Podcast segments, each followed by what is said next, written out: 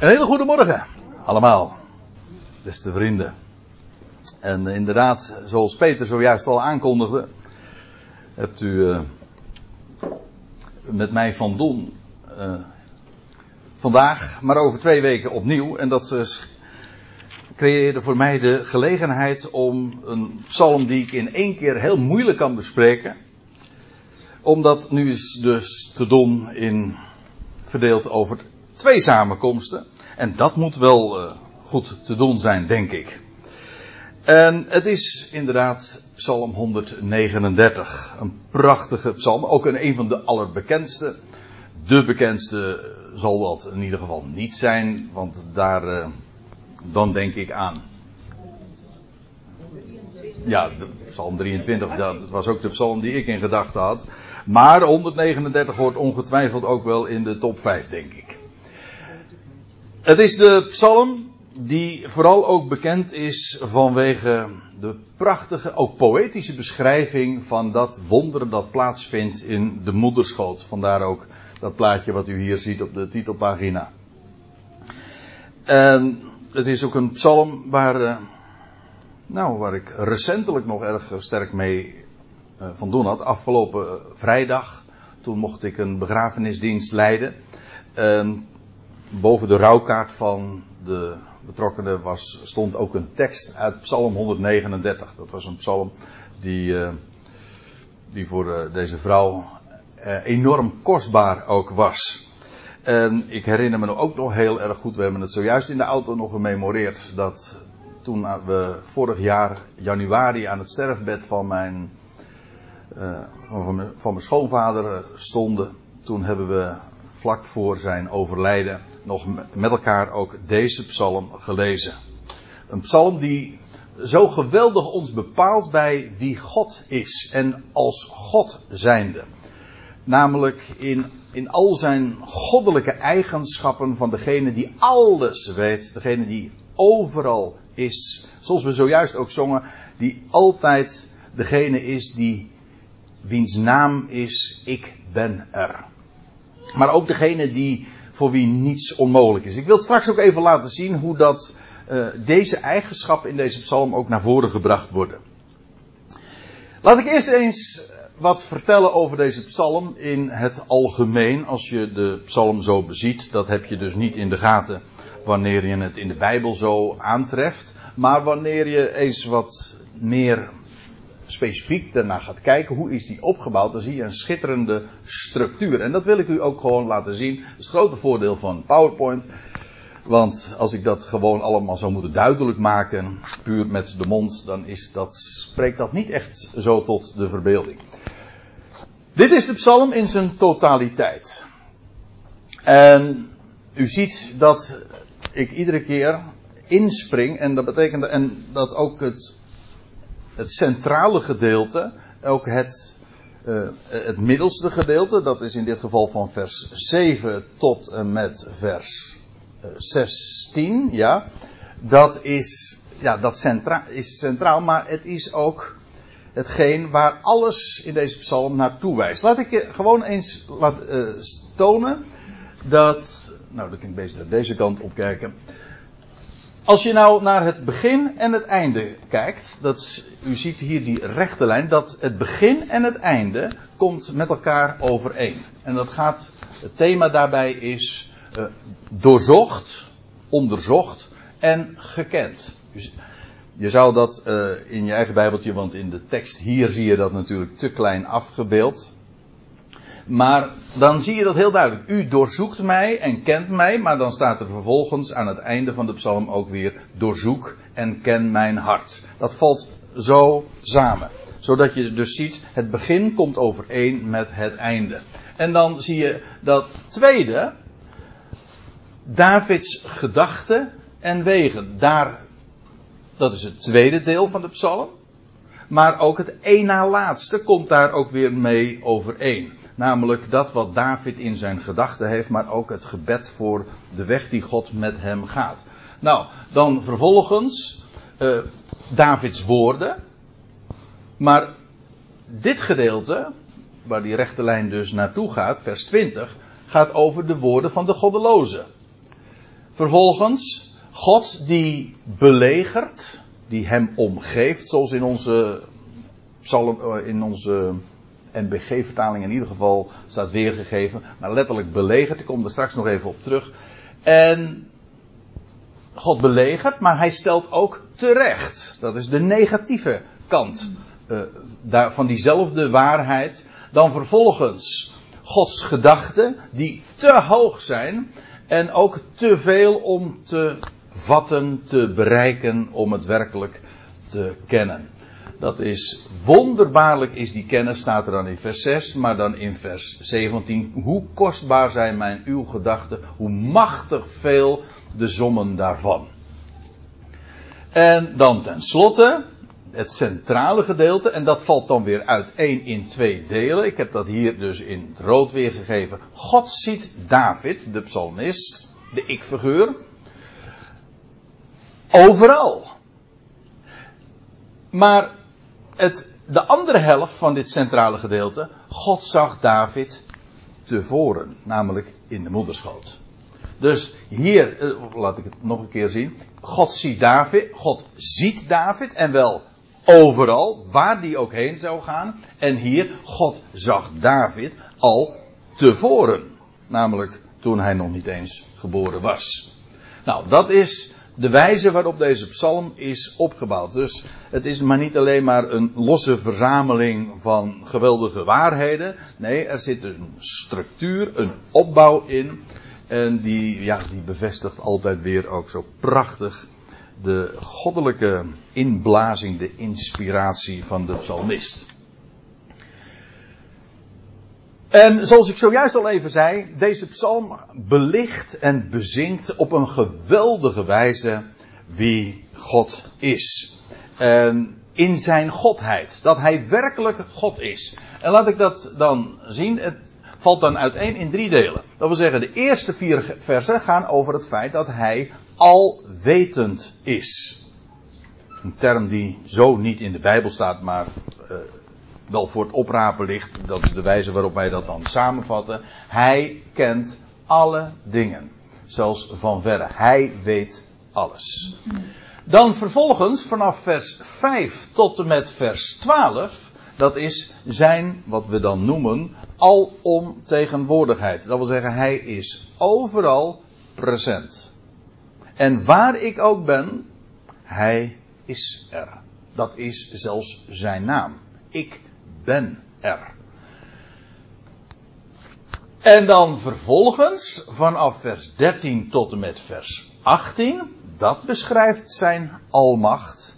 En dat voor hem werkelijk niets onmogelijk is. Dus dat zijn echt de, de grote eigenschappen die hem als God onderscheiden van zijn schepselen. Niemand, eh, op niemand is dat van toepassing. Hij is de enige die inderdaad alles weet.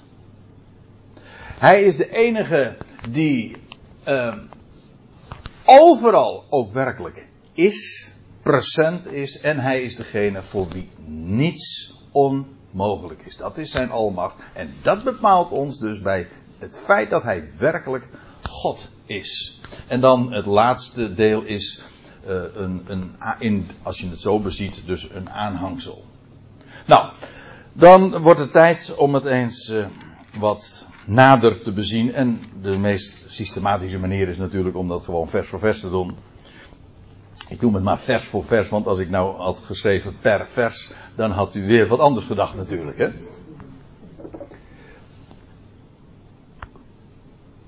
En dan beginnen we bij uh, vers 1 uiteraard voor de koorleider, zoals psalmen zo heel dikwijls beginnen. En dat is degene die voorgaat in de zang. En als je het zo zegt, dan bepaalt dat je ook, als je tenminste enigszins op de hoogte bent van de boeken van de psalmen, want ik uh, noem het graag zo, want de psalmen dat is niet één boek, dat zijn vijf boeken. Dat kunt u ook gewoon in uw eigen bijbeltje zo nalezen, iedere keer het eerste boek. Vervolgens in psalm 42 begint het tweede boek der psalmen. In totaal zijn het vijf boeken. Maar uh, vele psalmen die zijn gewijd en gericht aan de koorleider. Degene die de, uh, de zang leidt, of degene die voorgaat in de zang, of degene die de zang zelfs aanheft. En waarom vind ik dat zo bijzonder? Wel omdat dat direct doet denken aan Psalm 22, ook een psalm van David. En nou, de psalm misschien wel bij uitstek, die zo direct profetisch is en gaat over de zoon van David. En dan staat daar, als dan vervolg, als eerst gesproken is over het lijden en het sterven van de zoon van David. Uh, bijvoorbeeld die psalm, is, dat is die psalm die begint met: Mijn God, mijn God, waartoe hebt u mij verlaten? En dan krijg je een, een wending in de psalm, halverwege de psalm, en dan lees je dat daar staat, uh, u hebt mij geantwoord, en vervolgens staat er dan in vers 22, makkelijk onthouden, psalm 22, vers 22, ik, en dan hebben we het dus over de David, maar eigenlijk de zoon van David, ik zal uw naam aan mijn broeders verhalen, en in het midden van de gemeente, de volksvergadering, zal ik u prijzen. Wie is de koorleider? Wie is degene die voorgaat in de zang? Wie is degene die de toon zet? Dat is een mooie, dat is een mooie manier om het ook te formuleren. Waardoor is er reden om te musiceren?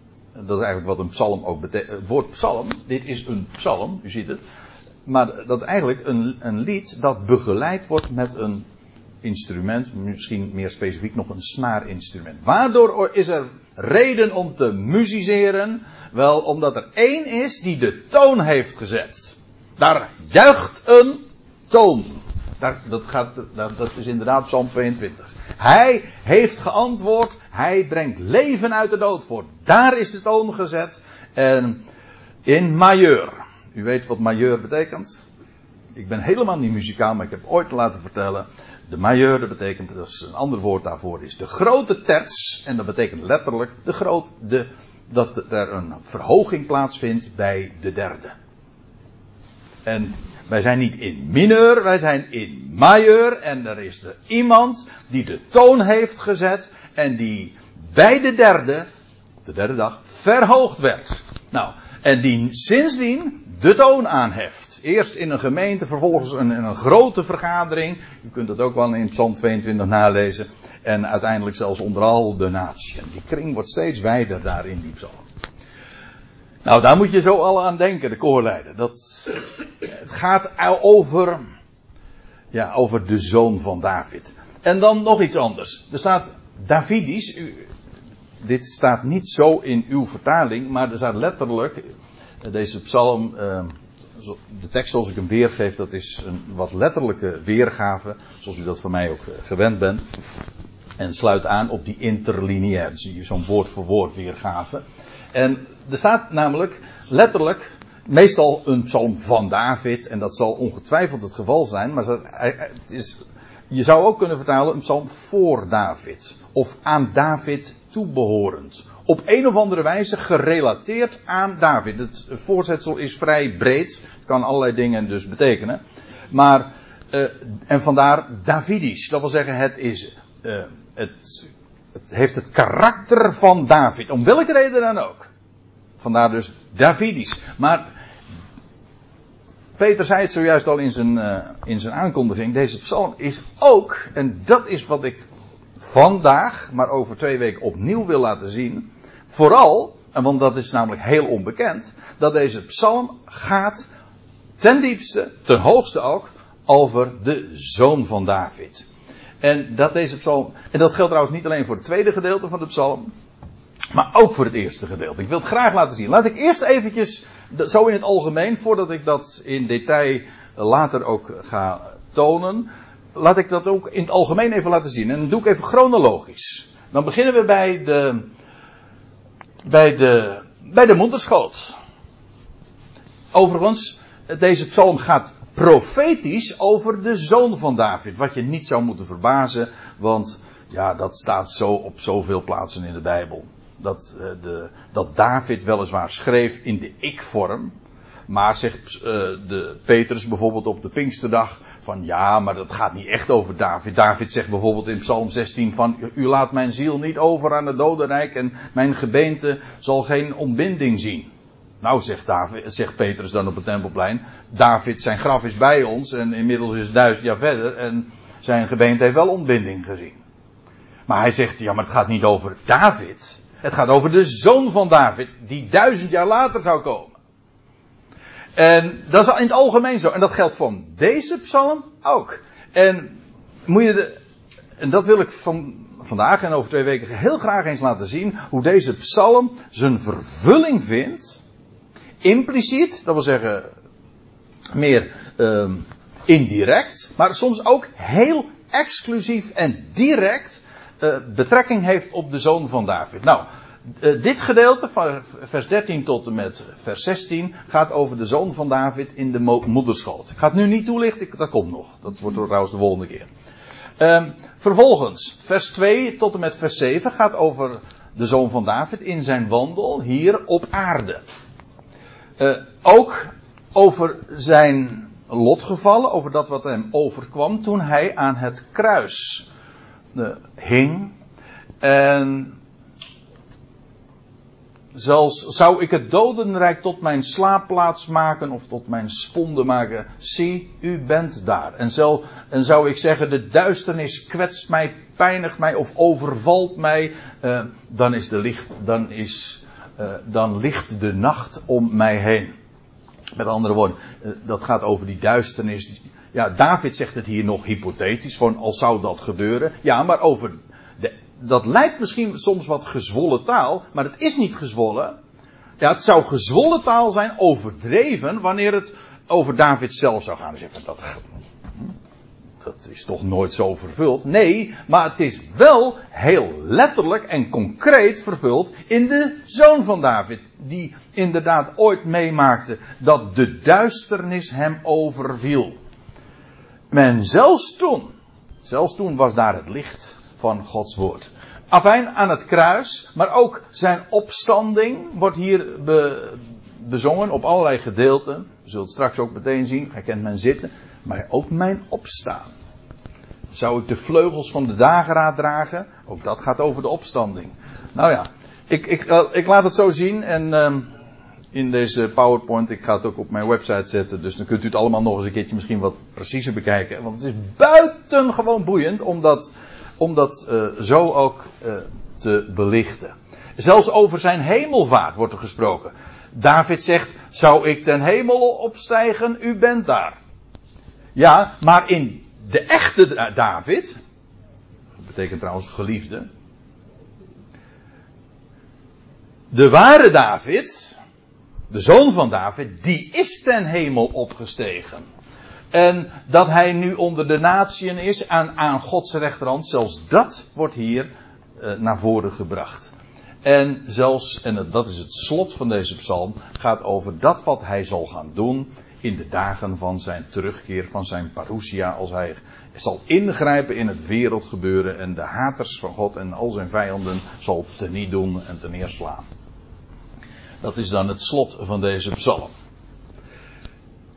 Zo, dat je ziet, zo even in één oogopslag, min of meer, dat deze psalm in zijn totaliteit gaat over David, jawel, maar dat is de zoon van David. Nou, straks in detail laat ik het uh, nog wat specifieker zien. Uh, dit lijkt me even genoeg om, uh, om zo als, als geheel even een indruk te hebben gegeven. Oké, we gaan weer eventjes verder met die die psalm in detail te bezien. En dan die woorden, u doorzoekt en kent mij. Ik zal, ik zal uh, vaak erop wijzen hoe dit met name dan zijn vervulling ook heeft vindt. Uh, uiteindelijk op het hoogste niveau in de zoon van David. En, maar ik moet er meteen bij zeggen, waarmee ik niet de indruk wil wekken. dat deze psalm ook niet in het algemeen van toepassing gebracht kan worden op de mens, op u en mij en op degene die gelooft. Daar heb ik helemaal geen enkel bezwaar tegen. Integendeel, want deze, er zijn van die waarheden die hier naar voren gebracht worden. Bijvoorbeeld in dit vers. U doorzoekt en, en kent mij. Hoe stond Gij doorgrondt en kent mij. Ja. Dat is een waarheid die voor u, voor mij, voor jou geldt. Er is er één die mij kent. Werkelijk kent. En sterker nog, hij doorgrondt, hij doorzoekt mij tot op het bot, zoals we dat dan noemen. Ten diepste. De motieven die we zelfs niet eens van onszelf kennen, laat staan van een ander, die kent hij. Dus een onbegrijpelijke gedachte. Er is niemand die mij zo kent als hij. Niet, we zeggen wel eens een keertje van ja, wie, wie kent, uh, wie, wie kent mij beter dan ik zelf? Nee, dat is niet waar. Er is er één, de schepper, die kent mij. En die doorzoekt mij. En die kent me, die proeft zo, dat is ook een, de psalm, een, een psalm. Uh, hij proeft de nieren, de diepste motieven. Hij, en we kunnen onszelf zelf, we kunnen, een mens kan zichzelf ook een heleboel dingen wijsmaken. Waarmee trouwens maar gezegd is dat een mens zichzelf niet kent. Als als je jezelf werkelijk zou kennen, dan zou je jezelf niet zomaar iets wijs kunnen maken. Nee, maar mensen kunnen dat echt hoor. Waarvan ze zouden denken of zouden zweren van nee, het is zo. Als ik het zo zeg, dan moet ik meteen denken aan Petrus. Die ook dacht van, oh nee, oh zeker, ik zal u niet verlogen. En in no time had hij het al drie keer gedaan.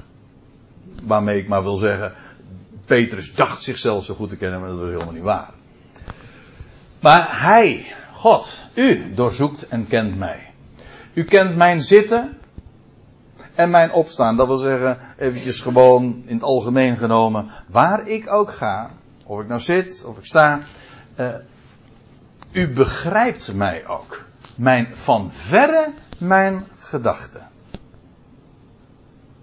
We zeggen wel eens een keertje dat je gedachten kunt lezen. Waar we trouwens ook heel slecht in zijn hoor. Ja, natuurlijk. Als je iemand goed kent, dan weet je eh, bij één oogopslag al in de lichaamshouding. Uh, maak je al een heleboel op. Maar, maar kijk uit. Want je kunt zomaar verkeerde conclusies trekken. Ja, daar zou ik wel aardige voorbeelden van kunnen geven, maar laat maar. Er is er één die ons niet alleen maar kent. Dat vind ik trouwens ook een geweldige troost die ons ook begrijpt. Als mensen je uh, misschien ook volkomen ten onrechte onbegrip tonen, er is er één die jou kent, doorzoekt, jouw motieven kent en jou ook begrijpt. En staat er zelfs van verre. Wat je trouwens op twee manieren kunt opvatten. Je kunt dat ruimtelijk opvatten, gewoon op afstand al. Maar je kunt het zelfs ook in tijd chronologisch opvatten. Dat wil zeggen, ver van tevoren. Kent hij mij? Dat is wat hoor. Dat iemand mij kent en zelfs begrijpt, zelfs voordat ik mijn gedachten had. Nou, dan moet je er dus schepper voor wezen. Dan moet je echt de God voor zijn. Nou, dat is degene die David hier, pakweg 3000 jaar geleden, aansprak. U. U God, u kent, u begrijpt mij. U van verre mijn gedachten. U schift mijn pad en bedsteden. Ja, ik zei al, deze, uh, deze weergave is wat afwijkend soms van, van wat u uh, in de vertaling staat. Maar toch wil ik er graag even op wijzen. Want ja, dat is het grote voordeel als ik dat dan zo ook kan presenteren. Dan gaan we eventjes naar de, naar de, ja, naar de grondtekst. Zoals David het echt ook geformuleerd heeft. Uh, u schift in de, ik zie het, ik moet eventjes goed Jo ja, er staat in de vertaling, in de MBG-vertaling, u onderzoekt mij. En in de Statenvertaling weet ik even niet. Maar hier wordt een woord gebruikt, uh, schiften. U zegt, ja, ik, ik, wil liever niet geschift zijn. Misschien. maar, uh, nou, in dit geval, ik graag zelfs. U, u schift mijn pad. Hier staat een woord dat uh, elders wordt weergegeven met wannen. Bijvoorbeeld in Rut, uh, Rut 3, dat is een bekende geschiedenis van, Dav van, van Boas. Dat was trouwens zijn o, zeg ik het goed, of better, uh, overgrootvader, ja, van David. En die, was, uh, die woonde ook al in Bethlehem. En van Boas dan lees je dat hij bezig was te wannen. En wannen, dat is, dat is, betekent letterlijk, u ziet hier dat hier op een plaatje, dat is een beetje een ouderwetse manier, want tegenwoordig gaat het allemaal machinaal natuurlijk, maar van oudsher was wannen uh, het graan zuiveren, dat werd dan dikwijls op de dorsvloer gedaan, uh, graan zuiveren van kaf door het in de wind op te werpen of te laten vallen. En het idee daarbij is dat de graankorrel dan valt, want die heeft gewicht en valt dan op de dorsvloer. Uh, maar het, als, als er dan een, een, een, wind staat, dan wordt de, het kaf, dat heel licht is, dat nauwelijks uh, iets uh, weegt, dat wordt dan weggeblazen. Nou, dan hou je dus de, dan hou je dus de graankorrel over. Dat is wat wannen is. En dat is wat deze man hier ook doet. Je hebt dus een enigszins wind nodig. Veel weet ik eigenlijk niet. Ik heb, ik heb er verder geen verstand van. Maar dit is wat, ja, gewoon de definitie van, van wannen. Trouwens, een prachtig beeld wat de Heer ook doet. Hè? Er staat hier ook. U schift mijn pad. Ik had ook kunnen zeggen, alleen klinkt dat in het Nederlands een beetje raar. U wandt mijn pad en bedsteden. Ja, maar dat is wel wat er staat. Wannen. Want moet je je voorstellen wat de Heer met ons doet. Hij gooit ons omhoog. Dat is wat wannen is. Dat, dat graan omhoog gooien. En wat, wat, wat doet hij dan? Eigenlijk is een prachtige beschrijving van wat heiliging is. Dat wil zeggen, hij, hij heiligt ons. En hoe doet hij dat? Wel, hij richt ons omhoog. En dan vervolgens, dan is het de wind, een type van de geest. Pneuma, ruach, Gods geest, die dan vervolgens de, het kaf, alles wat uh, geen waarde heeft, uh, wegblaast in ons leven. Dat is, u ziet, hij richt ons op. Hij is de ware Boas, om zo te zeggen. Hij wandt ons, hij richt ons omhoog. En vervolgens wat er gebeurt is dat zijn geest het kaf wegblaast. Dat is geen, u ziet trouwens daarin ook dat heiliging geen mensenwerk is.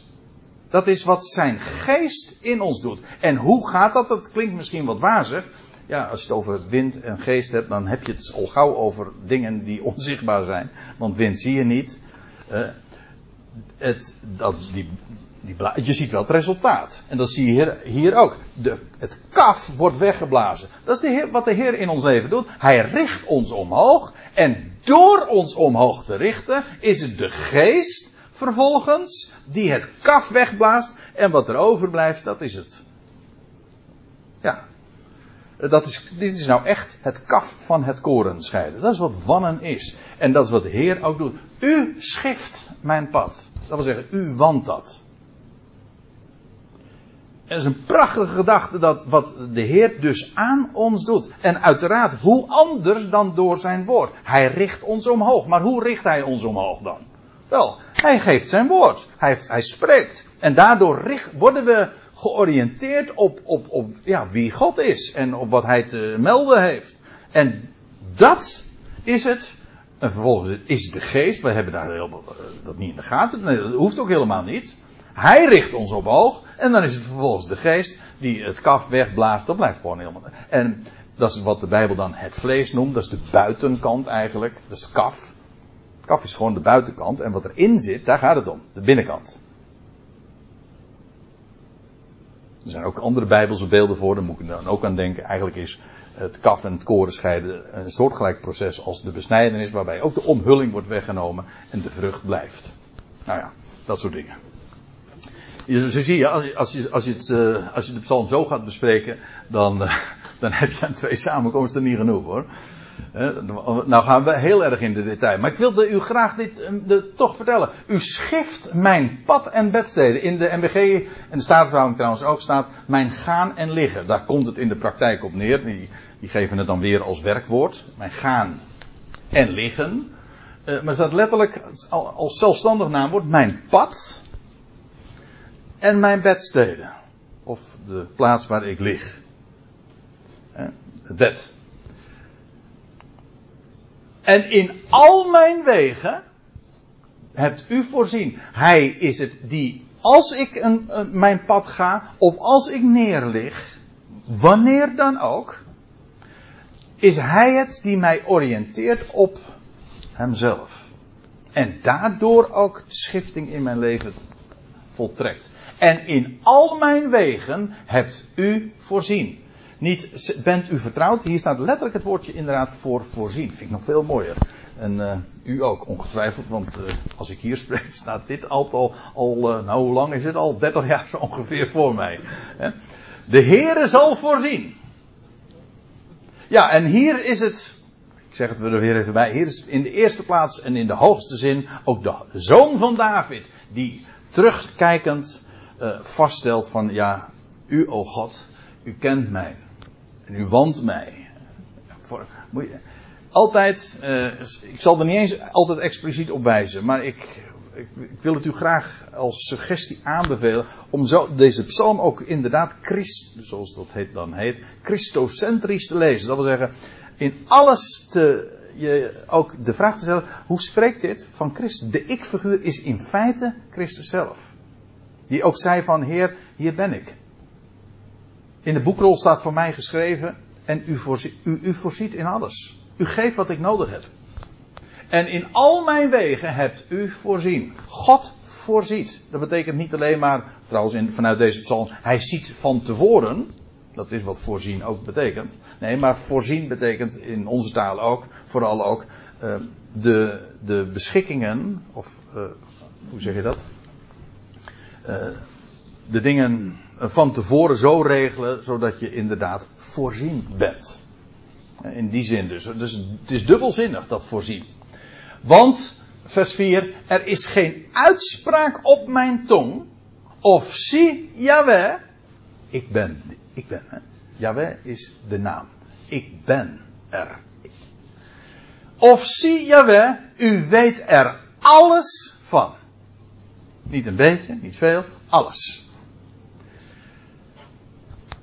Dus in de gedachte, in het spreken, alles is hem bekend.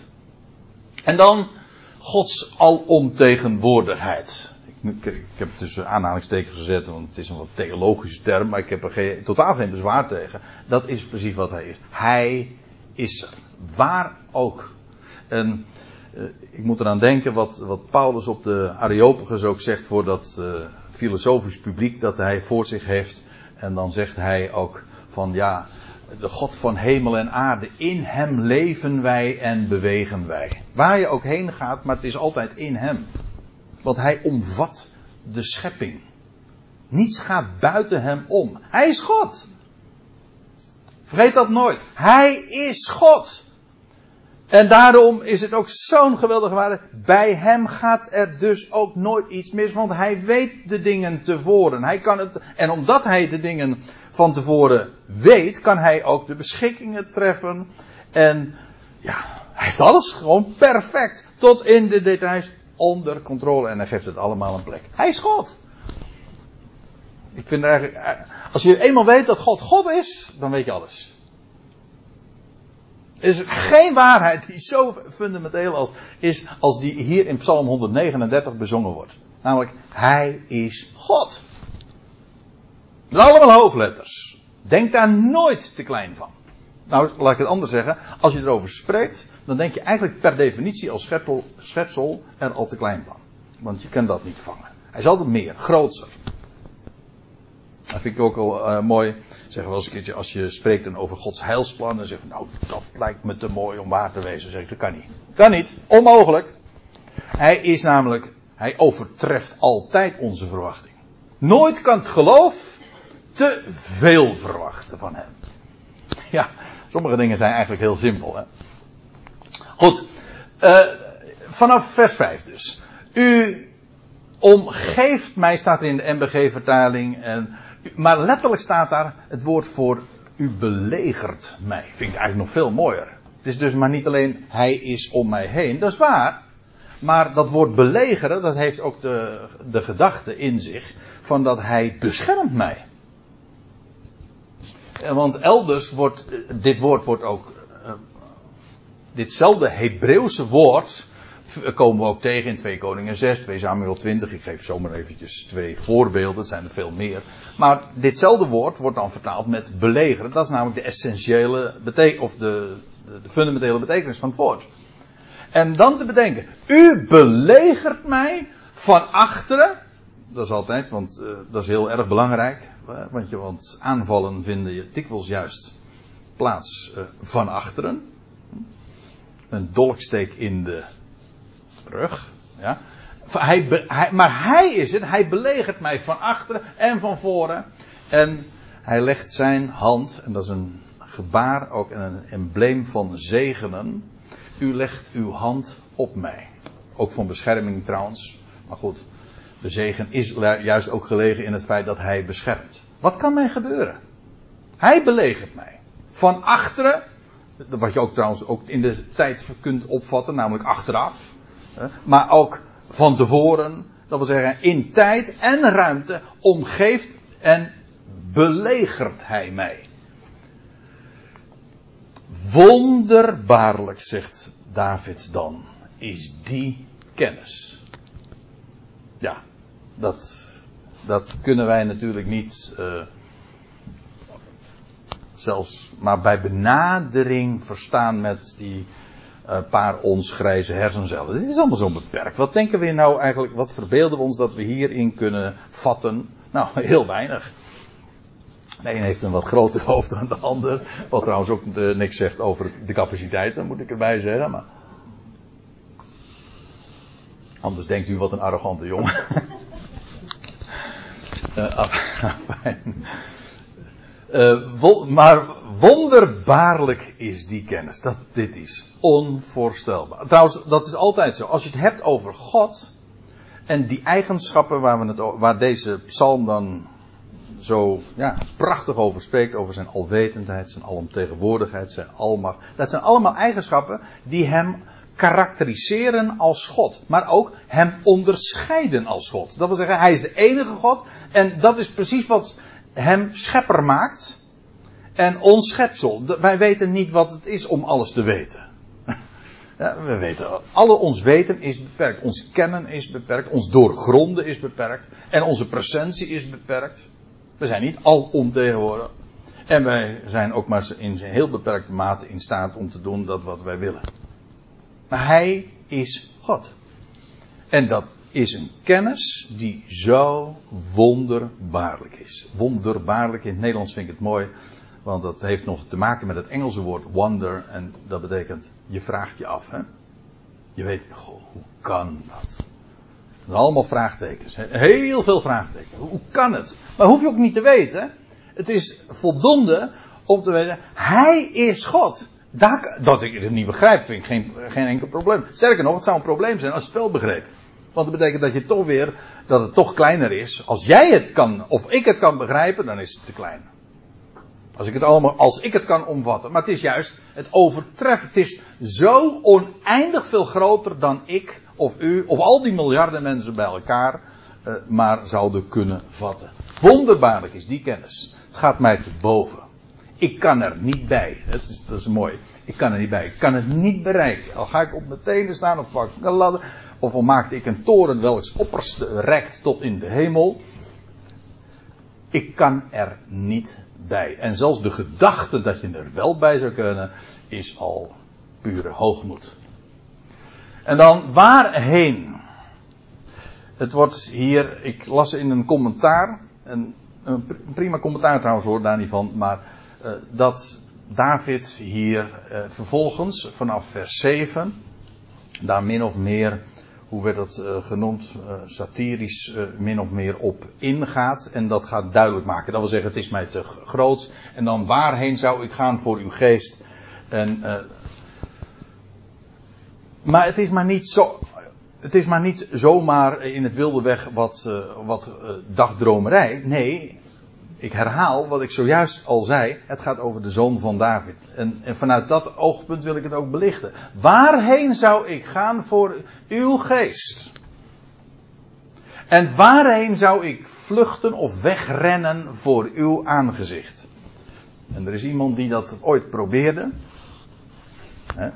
Ja, ik bedoel Jona. Die ook inderdaad probeerde te vluchten voor het aangezicht van de Heer. En die ging toen naar de andere kant van de zee naar Tarsus, dat waarschijnlijk in, uh, daaraan, uh, bij Spanje lag. Niet Tarsus waar Paulus vandaan kwam, maar goed. In ieder geval, hij ging naar de andere kant van de zee en hij dacht te vluchten. Maar dat kan helemaal niet. Je kan niet vluchten voor God. Want waar ik ook heen ga, hij is er. Iemand zei trouwens een keer, en dat vond ik ook wel mooi. Het gaat er niet in, in de eerste plaats, ook in Psalm 139, niet zozeer om van hij is overal. Maar de gedachte is, waar ik ook heen ga, daar is hij. Dus, dus net dus een ander accent. Dat betekent, ik kan, waar ik ook heen ga, hij raakt mij nooit kwijt. Hij volgt mij altijd. Hij is er altijd. En, en zelfs al vlucht ik, ja, de gedachte is te bizar om, uh, om, om, uh, om zelfs te opperen. Het is uh, volstrekt ondenkbaar dat je voor hem zou kunnen wegrennen of vluchten. Zou ik ten hemel opstijgen? U bent daar. En, en nou, nou ga ik iets doen wat ik zojuist ook al eventjes naar voren gebracht heb, maar nu laat ik de tekst ook zien. En je leest in Handelingen 2. Dat is die reden dat die Petrus heeft gehouden. Ooit op het Tempelplein, dat was op de dag van Pinksteren. En dan, u weet het, dat was de beroemde geschiedenis van dat, dat al die mensen, dat talenwonder plaatsvond. En dan neemt Petrus het woord en dan gaat hij de schriften citeren. En dan laat hij zien dat de profeten, de Hebreeuwse Bijbel, gewoon hun eigen, hun eigen Bijbel, had al gesproken over de Christus. En hij toont dat dan ook aan en hij laat dan vooral ook veel uit de psalmen zien. En dan zegt hij in vers 34, oh, nou, naar aanleiding trouwens weer van een andere psalm, psalm 110, waar je leest van, dat, uh, dat is ook een psalm van David, waar God tegen de, David zegt van, zet u aan mijn rechterhand, totdat ik uw vijanden gesteld heb tot een voetbank voor uw voeten. Nou, dan, en wat, daar, wat nou, nou, wat Petrus dan zegt is, uh, ja, dat zegt David, maar het gaat over de zoon van David. Want, zegt hij dan, niet David is omhoog gegaan tot in de hemelen. Maar hij zegt zelf, de Heer zei tot mijn Heer, zet, aan zet u aan mijn, zit aan mijn rechterhand. Hier, zou ik ten hemel opstijgen? Ja, David heeft dat nooit gedaan. Maar de zoon van David, die is letterlijk ten hemel opgestegen. Als enige trouwens. Ooit. Dus niemand ten hemel gevaren dan de zon des mensen die uit de hemel neergedaald is. En u zegt van ja, maar Elia dan. Ja, nou, zullen we het daar even niet over hebben, want dat is nog weer. Die, kwam, die is namelijk gewoon, ja, moet ik het toch even toelichten. Eén uh, zinnetje. Elia is, dat is heel onbekend, maar Elia is gewoon weer op aarde terechtgekomen. En die heeft keurig vanuit een andere plaats uh, aan een latere koning nog een brief zelfs geschreven. Nou, daar laat ik het even bij.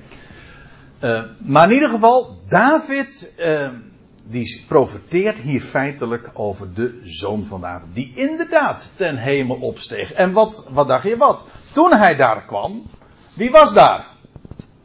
God. Ja, de. Hij werd gezet aan Gods rechterhand.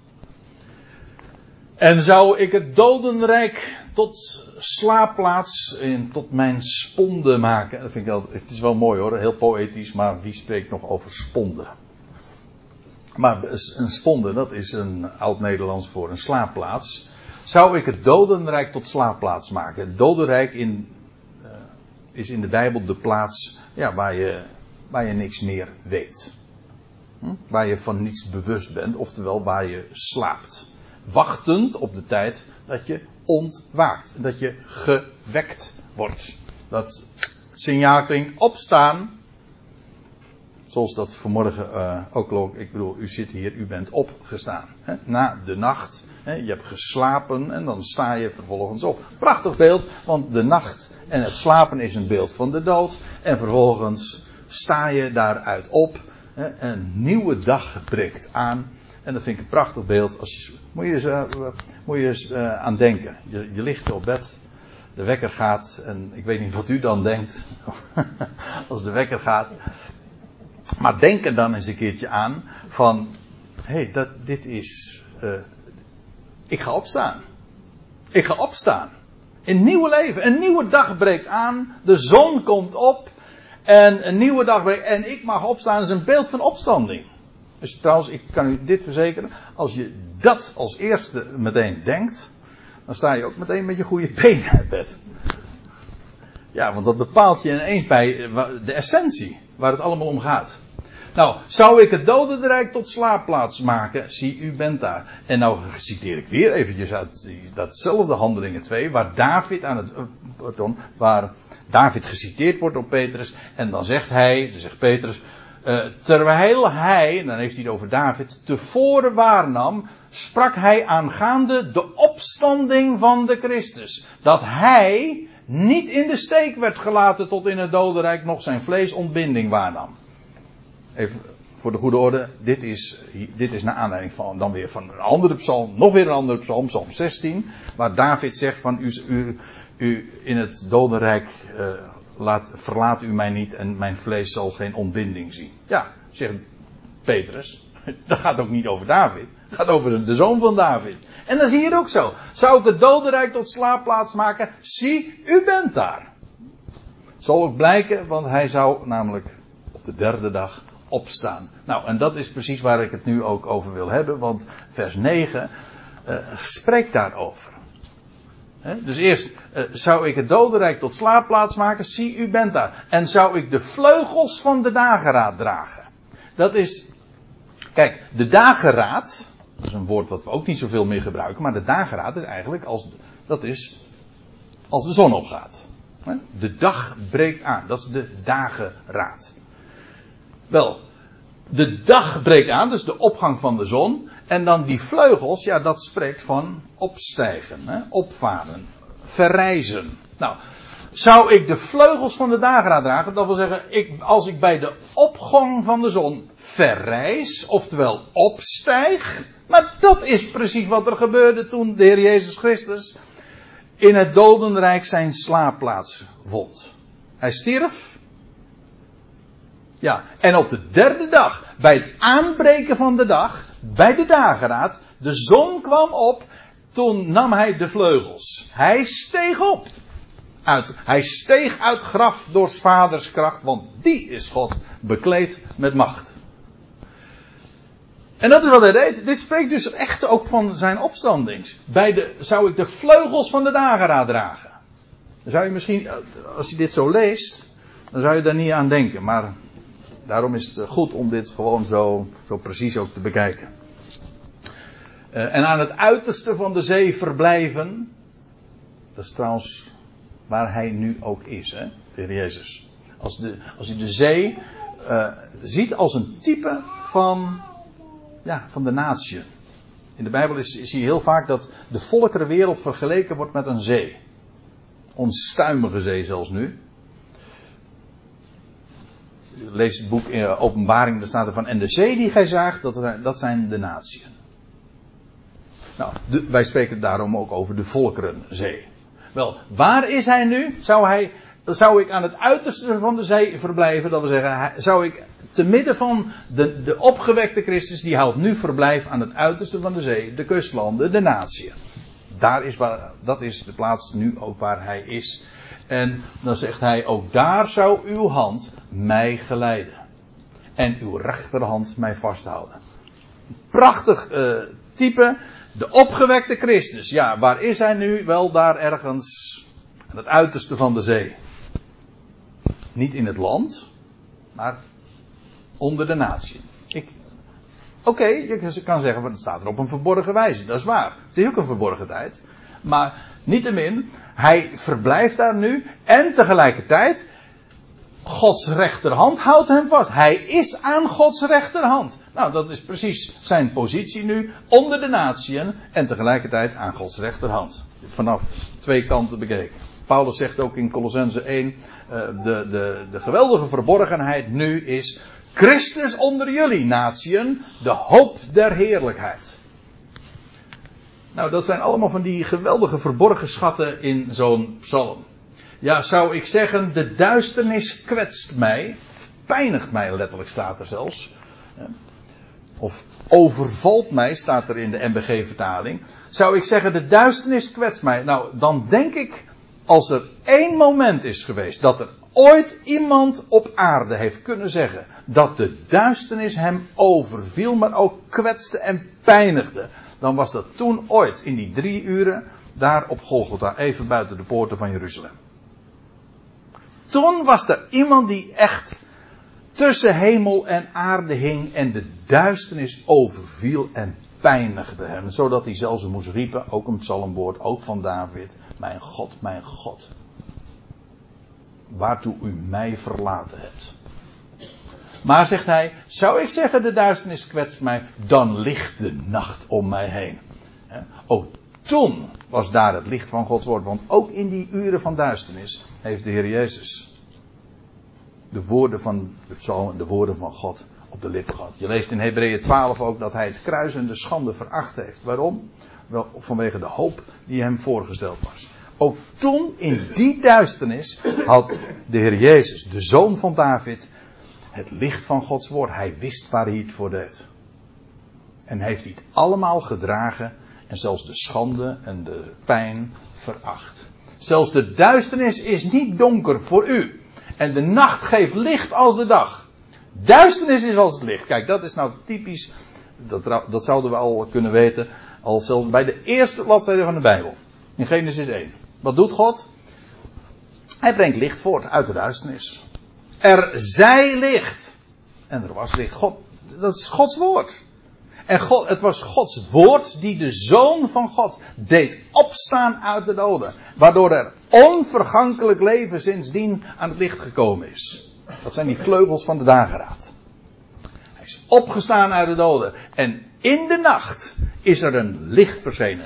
Duisternis heeft te maken met de dood. Toch?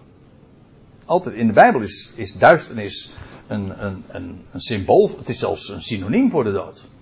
Al ga, dat een psalm. Al ga ik door een dal van schaduwen des doods. Dan is het uw stok en uw staf die mij vertroosten. Maar ook, eh, zoals duisternis een type is van de dood, zo is licht een type van leven. Het licht des levens. Licht is leven. Wel, uit de duisternis is licht verschenen. Dat donkere graf, daar is het licht in. Toen de zon opging, is het licht doorgebroken. De steen werd weggewenteld. En toen werd de duisternis als licht. Ja. Ik zou verder kunnen gaan, maar dat doe ik niet. Want ik zie trouwens ook dat het hoog tijd is om uh, hier nu een punt te zetten. Maar eigenlijk is het een komma, een puntkomma. Want we gaan dus de volgende keer, over twee weken hoop ik dan verder te gaan bij vers 13. En dat is inderdaad ongeveer halverwege de psalm. Dus in die zin zitten we puur uh, en uh, mooi op schema. Zullen we het hierbij laten, vrienden?